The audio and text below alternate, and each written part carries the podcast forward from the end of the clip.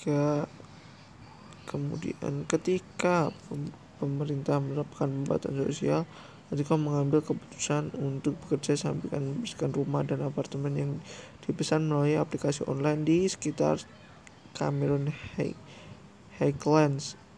Kebetulan di Cameron Highlands banyak pengunjung yang berlibur. Waktu itu mereka tak boleh keluar negeri sehingga persewaan rumah dan apartemen di sini semuanya penuh. Ah, qué chida.